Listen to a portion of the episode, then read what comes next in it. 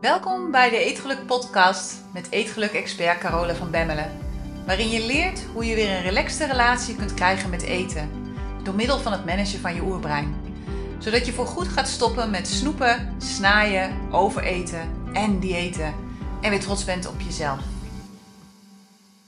Dag mooie vrouw, hoe gaat het met je? Ja, Jeetje, Minay. Ik had eigenlijk zoiets van: word je al zenuwachtig van het mooie weer? En word je al zenuwachtig van de gedachte van een bikini of een vakantie? Maar de afgelopen week met al die regen, hmm, dat ik ook denk van nou, we kunnen de dikke wintertrui nog wel even aanhouden. Maar goed, mocht je toch al na afleiding van de aanleiding van de maand maart uh, zoiets hebben van oh shit, bikiniseizoen komt eraan en ik moet weer aan de bak, doe dat dan gewoon niet. Hè? Laten we daarmee ophouden. Dat is echt jammer. Weet je, bedenk je ook dat we twee enorm lastige jaren achter de rug hebben hè, met z'n allen. Dus geef jezelf ook een beetje credit ervoor. Hè. Ik zag van de week een post voorbij komen schuiven op Instagram. En dat is van een van mijn favoriete poëten. Donna Ashworth heet ze. En dat schrijf je A-S-H-W-O-R-T-H-S. Ja, en zij schrijft echt fantastisch over vrouwen. Ze schrijft echt prachtige teksten.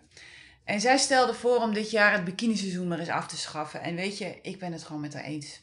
waarom zouden we onszelf niet gewoon toestaan om dit jaar eens onbelemmerd te genieten van de zomer en van de vrijheid? Ik vind echt serieus dat we dat wel een beetje hebben verdiend eigenlijk. Goed, voordat ik verder ga met deze podcast, heb ik nog een aankondiging voor je. Want ik heb namelijk een spiksplinternieuw e-book geschreven. En dat e-book dat gaat over de drie stappen die nodig zijn om van eeuwige dieter te transformeren naar een gelukkige eter. Nou, ik wilde er eerst een betaald boek van maken, maar ik heb besloten om het gratis te houden, omdat ik het belangrijk vind dat zoveel mogelijk vrouwen deze stappen leren kennen. Het is bijna klaar. Het is echt bijna klaar. Ik heb, uh, ik heb het al opgemaakt. Het is echt prachtig geworden. En vanaf volgende week, ik moet het allemaal nog op de website zetten en alle techniek erachter moet allemaal nog geregeld worden. En dat is altijd veel meer werk dan dat, dan dat het lijkt. Dus vanaf uh, eind volgende week denk ik dat het wel beschikbaar zal zijn voor iedereen die mijn wekelijkse nieuwsbrief ontvangst, ontvangt. Dus wanneer je het e-book ook wilt hebben, um, maar nog niet iedere vrijdag mijn wekelijkse inspiratienieuwsbrief ontvangt. Misschien weet je niet eens dat ik die verstuur. Nou ja, bij deze weet je dus dat ik iedere vrijdag een inspiratienieuwsbrief verstuur. Dus mocht je die hebben willen, eh, mocht je die willen ontvangen, ga dan even naar degelukkigeeter.nl en dan kun je je daar aanmelden voor mijn nieuwsbrief. En dat kun je doen als je op de website klikt op het kopje gratis. Dan wijst het zich eigenlijk vanzelf. En daar vind je dan de mogelijkheid om je aan te melden voor de nieuwsbrief. En je vindt ook nog een aantal andere leuke gratis dingetjes. Dus sowieso de moeite waard, denk ik. Goed, dan weer even terug naar het verhaal waar ik mee bezig was. ik heb de afgelopen weken echt enorm van de zon genoten. En waar ik ook ontzettend van geniet, is het vooruitzicht van ons avontuur. Van onze emigratie naar Zweden. En iedereen zegt tegen ons dat we het nu wel druk zullen hebben. Maar weet je, het grappige is, op de een of andere manier passen er op dit moment veel meer uren in een dag. Het is echt bizar. Echt serieus. Ik ervaar zoveel zeeën van tijd. En Terwijl ik van alles aan het doen ben en terwijl er van alles nog afgerond moet worden. Het is echt heel apart. Ik heb weekendjes weggepland staan met vriendinnen. Afgelopen weekend was ik naar Egmond. Over een paar weken ga ik nog naar Zuid-Limburg. En op de een of andere manier is er heel veel ruimte nu voor mensen. We hebben allerlei afspraken nog staan. En ja, dat is gaaf. Weet je, dat voelt enorm rijk. En soms zeg ik wel eens dat het lijkt alsof ik doodga. Want ja, iedereen wil afscheid nemen. Maar ja, weet je, ik ga maar gewoon acht uur verderop wonen. Meer is het eigenlijk ook niet. Dus eigenlijk best wel apart hoe dat werkt in ons brein. dat ons brein er een heel ding van maakt, terwijl het eigenlijk maar acht uur verderop is een dag rijden. Nou, we hebben het over. Maar goed, waar ik misschien wel het meeste van geniet, dat is het opruimen. Ik hou ontzettend van opruimen. Opruimen geeft mij lucht, het geeft me ruimte. En ja, wat ik ook wel heb, is dat ik het liefst met zo min mogelijk oude ballast, oude zooi, letterlijk oude zooi, figuurlijk oude zooi, wil beginnen op onze nieuwe plek. Hè, des te meer ruimte hebben we dan voor nieuwe herinneringen. En des te minder hoeven we mee te slepen straks. Ja, en ik dacht dat het allemaal wel meeviel, maar voor onze verhuizen is het nog steeds een heleboel. Dus ja, ik weet ook niet waar het allemaal vandaan komt. Maar goed, ik ben in ieder geval, en dat ben ik eigenlijk altijd al wel geweest, heel gek op de gedachte van een nieuwe start. En ik vind het leuk om mezelf steeds opnieuw uit te vinden. Hè? Om nieuwe dingen te ontdekken, om nieuwe dingen te leren. Ja, En om dat te kunnen doen, moet ik dus plek maken. En ben ik dus druk aan het uitzoeken en aan het opruimen. En ben ik al mijn schatkisten, zoals ik ze noem, aan het uitmisten. want toen ik op mezelf ging wonen en genoeg ruimte had, nou dat is echt al wel 100 jaar geleden, vorige eeuw, kwam mijn moeder aanzetten met zes dozen, dat weet ik nog goed. En uh, ze kwam voorrijden, ze belde aan en ze keek me aan en ze zei, ja, ik heb wat voor je achter in de auto staan. En ik keek en ik zag die dozen staan. En ik dacht, ja, wat moet ik nou met die dozen? Nou, er bleken dus dozen te zijn die al jaren bij haar op zolder stonden. En in die dozen had ze al mijn spullen bewaard. Nou goed, het merendeel van die spullen heb ik inmiddels uitgezocht en weggegooid. Maar er was nog wel het een en ander over waar ik op dat moment geen zin in had. En dat heb ik allemaal bij elkaar in die schatkisten geflikkerd. En ja, dat zijn van die grote curveboxen, dus daar kan ook best heel wat in. En het idee daarvan was eigenlijk dat als er ooit brand uit zou breken, dat deze boxen, deze curveboxen, dan als enige mee zouden hoeven. En de afgelopen jaren ja, heb ik eigenlijk ook niet echt de tijd genomen om ze uit te zoeken. En deze week dacht ik, ja, weet je, misschien is het toch wel handig om er nog even doorheen te kijken en te, te, bekijken of ik alles nog mee wil nemen naar Zweden. Dus ik heb ABBA aangezet op de luidspreker om een beetje in de stemming te komen. En ik ben aan de slag gegaan en het was gaaf, weet je. Het was echt een trip memory lane. Ik kwam oude rapportjes tegen van mijn lagere school. En daar was een juf, en met die juf lag ik altijd op hoop. Dat was juffrouw Corrie was dat. En juffrouw Corrie vond dat ik niet mijn eigen schrijfstijl mocht ontwikkelen. Nou, als er iets niet werkt bij Corolla, dan is het dat andere mensen gaan zeggen wat ze moet doen. Dus dat liep niet echt lekker tussen juffrouw Corrie en mij. En in ieder rapport had ze daarover opmerkingen. Nou, ik was het natuurlijk al lang vergeten. Maar door die rapportjes vond ik dat weer terug. Dat is eigenlijk toch wel heel schattig. Maar juffrouw Corrie, het is helemaal goed gekomen hoor met me. En gelukkig hebben we nu computers en toetsenborden. Dus alles wat ik schrijf is leesbaar. En wat ik ook vond, en dat is ook wel heel gaaf, dat zijn stapels oude liefdesbrieven van mijn eerste vriendje. Echt stapels vol. De jongen die kon zo goed schrijven en zulke leuke dingen heeft hij gestuurd. Echt zo leuk om dat nog te hebben. En ik vond nog brieven van mijn oma. Brieven die mijn oma aan mij heeft geschreven. Ook zo bijzonder. Maar goed, dat gaat dus in ieder geval wel mee naar Zweden. Een heleboel andere dingen heb ik er inmiddels ook alweer uitgehaald. Maar het laatste restje, ja, er is nog één box over. Die gaat gewoon mee. Maar goed, genoeg geluld over Zweden. Ik kan er nog uren over praten, maar dat gaan we vandaag dus niet doen. Je zult bedacht hebben al, waar gaat, waar gaat het heen met dit verhaal? Nou, dit gaat ook helemaal nergens heen vandaag. Maar toch nog weer wel, want eigenlijk wil ik het gewoon met je hebben over hoe ons brein het liefste in het verleden blijft hangen. En over hoe ons brein het liefste alles vanuit het verleden bestuurt. want wanneer je niet weet dat dit de basisprogrammering is van je oerbrein, dan creëer je onbewust iedere dag opnieuw het verleden. je wilt misschien wat anders, maar toch val je constant terug in je oude patronen en je snapt er niks van. Nou, zoals je inmiddels weet, als je al wat meer podcasts van mij geluisterd hebt, dan heeft je oerbrein maar één taak. En dat is om ervoor te zorgen dat je veilig bent. En de manier waarop je oerbrein weet dat je veilig bent, is door hoe je je voelt. wanneer je je goed voelt, dan denkt je oerbrein dat je veilig bent. En wanneer je je niet goed voelt, dan denkt het dat je in gevaar bent. En op dat moment zal het je ertoe aanzetten om iets te doen waardoor je je weer goed gaat voelen, waardoor je je weer beter gaat voelen. Zo simpel is het. Zo, meer is het eigenlijk niet. Maar tegelijkertijd is het daarmee heel ingewikkeld. want voor je oerbrein is alles wat het niet kent per definitie gevaarlijk. Man, man, je moet eens weten wat de gesprekken ik de afgelopen maand heb gehad met mezelf. En waarschijnlijk gaan er ook nog een heleboel komen voordat we echt vertrokken zijn. Want mijn oerbrein is op dit moment werkelijk alles op alles aan het zetten om me ervan te overtuigen dat ik echt, echt, echt, echt, echt beter hier in Nederland kan blijven. Want stel, stel dat het daar niet leuk is, ja, jemig, je krijgt nooit meer zo'n mooie woonplek terug. Wij wonen heel mooi buitenaf in een verbouwde boerderij. Eh, in Twente. Nou, dat krijg je natuurlijk nooit meer terug. Zeker niet in de huidige huizenmarkt. En zeker niet met de huidige woningnood. Dus weet wel waar je aan begint, Carola. Dat is wat mijn oerbrein dan zegt. En dan komt het, hè. Hoe moet het dan met de kinderen? Want de kinderen hebben je ook nodig. En hoe gaat het dan met al je vrienden? Jee, maar je moet daar weer helemaal overnieuw beginnen. En hoe doe je dat als je hele dagen vanuit huis werkt? Nou, dat is inderdaad wel een dingetje, ja. Dat is inderdaad echt wel moeite doen en weer ja, dingen zoeken om, uh, om te gaan ontdekken. Maar weet je, daar heb ik zin in. Dus dat ga ik gewoon doen. Maar goed, zo gaat het dus dag in dag uit in mijn hoofd. Ja, eigenlijk achter elkaar door. En het bijzondere daarvan is dat ik weet dat mijn oerbrein me alleen maar veilig wil houden. En dat ik weet hoe ik dit kan managen. ik weet hoe ik om kan gaan met de emoties die erbij horen. En ik weet hoe ik om kan gaan met de ja, oncomfortabele, nerveuze, zenuwachtige gevoelens. Die worden gecreëerd door alles wat mijn oerbrein me voor de voeten werpt op dit moment. Maar goed, dus ik glimlach iedere keer maar weer als mijn oerbrein me weer op de barricades uh, zet en als hij weer op de barricades gaat. En ik vind het vooral ontroerend om te zien hoe mijn oerbrein zijn uiterste best doet om ervoor te zorgen dat ik veilig ben. Want dat is eigenlijk het enige wat het doet. En daar kan ik eigenlijk alleen maar blij om zijn. Ik kan alleen maar blij zijn dat het zo goed voor me zorgt. En tegelijkertijd weet ik ook dat ik niet hoef te doen wat het zegt. Hè? Dat alle gedachten die ik heb, dat alle gedachten die ik denk, dat het slechts een suggestie is van mijn brein. Iedere gedachte is een suggestie die mijn brein me geeft.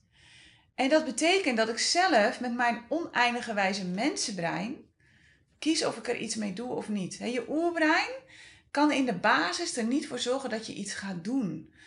Waar het voor zorgt is dat je je zo afschuwelijk gaat voelen dat je iets gaat doen. Maar de beslissing om iets te gaan doen, die neem je altijd met je mensenbrein. Die neem je nooit met je oerbrein. dus wanneer het gaat over je relatie met eten en over goede eetvoornemens, dan geldt eigenlijk hetzelfde. Hè? Ook dan zal je oerbrein maar één ding willen en dat is dat het goed met je gaat. Het zal willen voorkomen dat je je teleurgesteld voelt en dat je je daardoor niet goed voelt. Dus wat er heel vaak gebeurt, is dat je gedachten krijgt, hè, gedachten gaat denken als, oh, zou je daar wel aan beginnen? Of, het gaat altijd verkeerd, bespaar je de moeite. Of, het is nu ook toch oké? En wat als het nou deze keer ook niet lukt? Heb je weer een ervaring die, die gewoon weer een mislukking achter de kiezen? Dus doe nou gewoon maar wat je eerder al hebt gedaan, want daarmee had je toch ook een prachtig resultaat? Of het wordt toch nooit wat, stop er maar mee. Hè, en wat ik regelmatig terugzie als vrouwen zich aanmelden voor de Eetgelukken Universiteit, is dat ze al focussen op proberen in plaats van op doen. We focussen te veel op dingen proberen in plaats van op dingen doen. want wanneer je lid wordt van de Eetgelukken Universiteit, dan begin je altijd met een jaarabonnement. En de reden daarvoor is heel eenvoudig. Je oerbrein heeft tijd nodig om te veranderen. En wanneer je korter dan een jaar lid wordt, dan is dat echt zonde van je geld. Daarom wil ik dat niet voor jou. Hè, en natuurlijk begrijp ik dat het voor veel vrouwen een enorme stap is om eraan te beginnen. Want ja, hoe, een heel jaar. En daarom is er een proefperiode van drie maanden. Waarin je kunt ruiken en proeven of de aanpak bij jou resoneert. En wat er daardoor vervolgens gebeurt, dat is echt interessant, maar ook vooral fascinerend. Ik krijg namelijk regelmatig mail van vrouwen die zelfs nog twijfelen over de proefperiode werkelijk. En dat zijn vaak vrouwen die in het verleden zoveel hebben geprobeerd dat ze het vertrouwen in zichzelf echt volledig zijn kwijtgeraakt. Dus ik begrijp dit. Ik begrijp dat dit gebeurt. Maar het punt is dat wanneer je ergens aan begint met de gedachte dat je er wel mee wilt kunnen stoppen, en vervolgens ga je je focussen op hoe je dan kunt stoppen, dan programmeer je je brein al om te stoppen. Snap je dat? Want in mijn beleving zijn er maar twee mogelijkheden dus je doet het of je doet het niet. Proberen is niet de weg naar resultaten. proberen betekent eigenlijk dat je met één voet naar binnen gaat en met de andere buiten blijft staan. ik bedoel, ik kan proberen om te verhuizen naar Zweden, maar de kans is groot dat ik er dan nooit zal komen. En tegelijkertijd ben ik dan ook niet echt meer hier in Nederland, want in mijn hoofd zit ik daar. Snap je? Dus als ik tegen mezelf zeg: we gaan naar Zweden en we gaan het daar heerlijk hebben, dan is de kans groot dat het ook gaat lukken. En natuurlijk kan er altijd een kink in de kabel komen. Natuurlijk kunnen er altijd dingen gebeuren waardoor het anders loopt.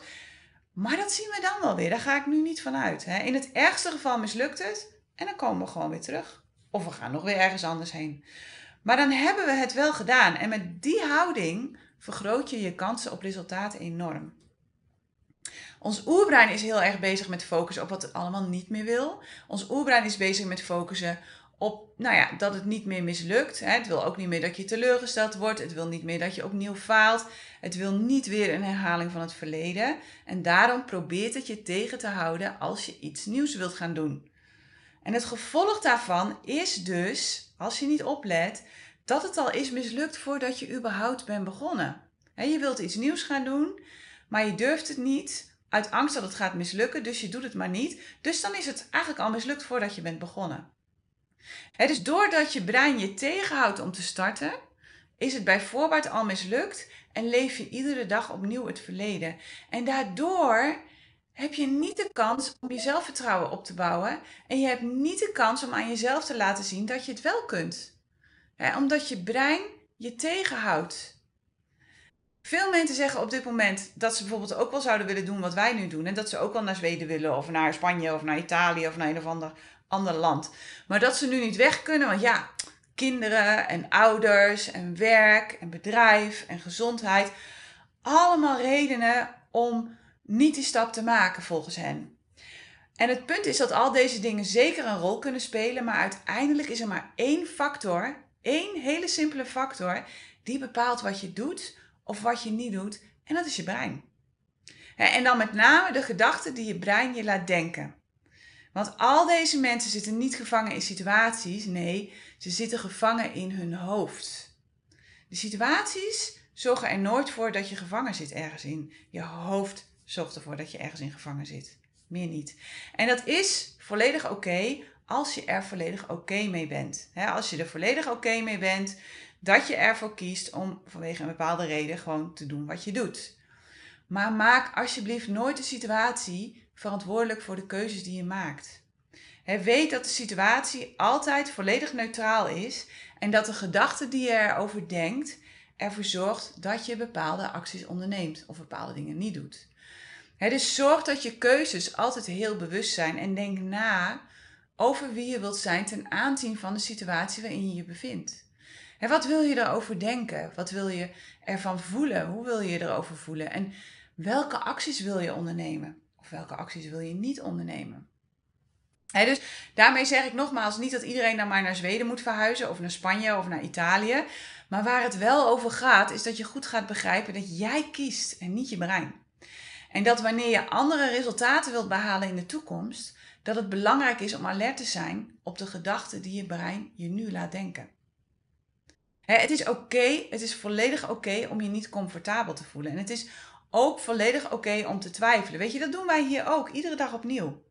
Iedere dag is er wel een moment dat ik denk: gaan we dit echt doen? Weten we dit wel zeker? Is dit wel handig? Moeten we niet misschien toch? iedere dag zijn er wel dingen die door mijn hoofd spoken vanuit het verleden in Duitsland die niet leuk waren. En ik luister daarnaar en tegelijkertijd zeg ik tegen mijn brein: hey, dank je voor de suggestie, maar dat was toen. En nu is het anders. Ik ben een andere persoon, de situatie is anders, het land is anders. We gaan dit gewoon doen. ik kies voor wat ik het liefste wil en niet meer voor wat mijn brein nu wil, namelijk zich comfortabel voelen. Want ik weet dat ik me soms even niet comfortabel moet voelen om me daarna veel comfortabeler te kunnen voelen. dus ik kies voor wat ik op de lange termijn voor ogen heb. En tegelijkertijd begeleid ik hierin mijn oerbrein als een kind van drie dat iets heel spannends gaan doen. Want voor mijn oerbrein is het ook rete spannend wat we gaan doen. Het is levensbedreigend wat we gaan doen. dus ik doe dat met kleine stapjes en ik doe dat vanuit liefde. En hetzelfde kun jij doen als het gaat om jouw eetgedrag of om andere beslissingen die je wilt nemen in je leven. dus stop met kijken naar wat er in het verleden allemaal niet goed is gegaan. Zie je verleden als een leerschool. Je weet in ieder geval namelijk wat niet werkt. Je weet in ieder geval hoe je met bepaalde dingen om moet gaan als ze gebeuren.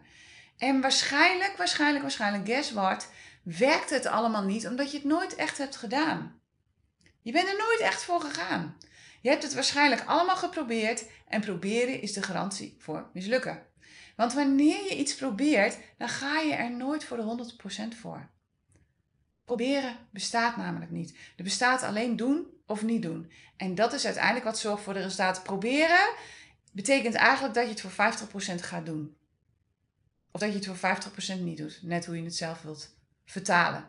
ik bedoel, probeer maar eens een kind te baren. Nou, ik wens je veel succes, want het kind moet eruit. En of je het nou leuk vindt of niet, het moet eruit. Proberen is geen optie hier.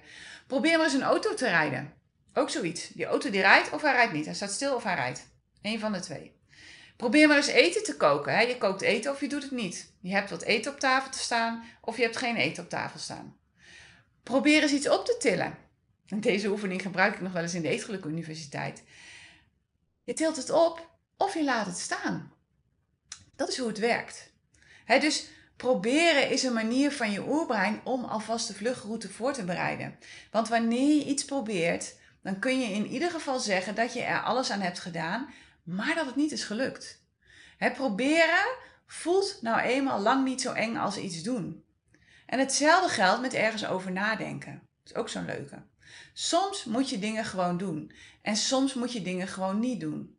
Waar het om gaat is dat je de dingen bewust gaat doen of bewust niet gaat doen. En niet dat je ze gaat doen of niet doen vanuit een onbestendig gevoel, omdat je ervan af wil. dat, dat gaat niet werken. Het is echt alle twee oké of je nou iets doet of iets niet doet. Maar waar het echt om gaat is dat je oké bent met de reden waarom je iets wel of niet doet. Dat het een bewuste keuze is om iets wel of iets niet te doen. En dat je niet langer beslist om iets wel of niet te doen, omdat je brein je gedachten laat denken over alle keren dat het niet is gelukt. Hey, weet je, Memory Lane is leuk, Memory Lane is fantastisch. Ik heb er echt van genoten en ik geniet er nog steeds van met alle opruimacties die we op dit moment aan het doen zijn. Maar Memory Lane is vooral leuk om de mooie herinneringen te koesteren. En niet om je te laten stoppen bij het creëren van een fantastische toekomst voor jezelf. Onthoud die alsjeblieft. En laat het verleden je niet langer stoppen om een andere toekomst te creëren. Goed, dat was het weer voor vandaag. Ik ga natuurlijk gewoon weer verder met opruimen. Ik ga verder met uitzoeken. Ik ga verder met inpakken. En ondertussen laat ik mijn oerbrein lekker kletsen op de achtergrond, weet je, want het gaat hoe dan ook gebeuren. Heb weer een heerlijke week en weet je, je weet het, geef deze podcast vooral door aan alle vrouwen waarvan je vindt dat ze ook wel een steuntje in de rug kunnen gebruiken. Zeker als het gaat om een relaxte relatie met eten en met zichzelf. Tot volgende week. Hey, als je het fijn vond om naar deze podcast te luisteren, kijk dan eens naar de Eetgeluk Universiteit. Dit is de Netflix op het gebied van eetgedrag, waarin ik dieper inga op alles dat ik deel in deze podcast. En waarin ik je leer hoe je dit kunt toepassen in jouw leven. En misschien wel het allerbelangrijkste, op jouw eetgedrag. Je vindt alle informatie op degelukkigeeter.nl. Het lijkt me super om jou daar te zien. Tot daar.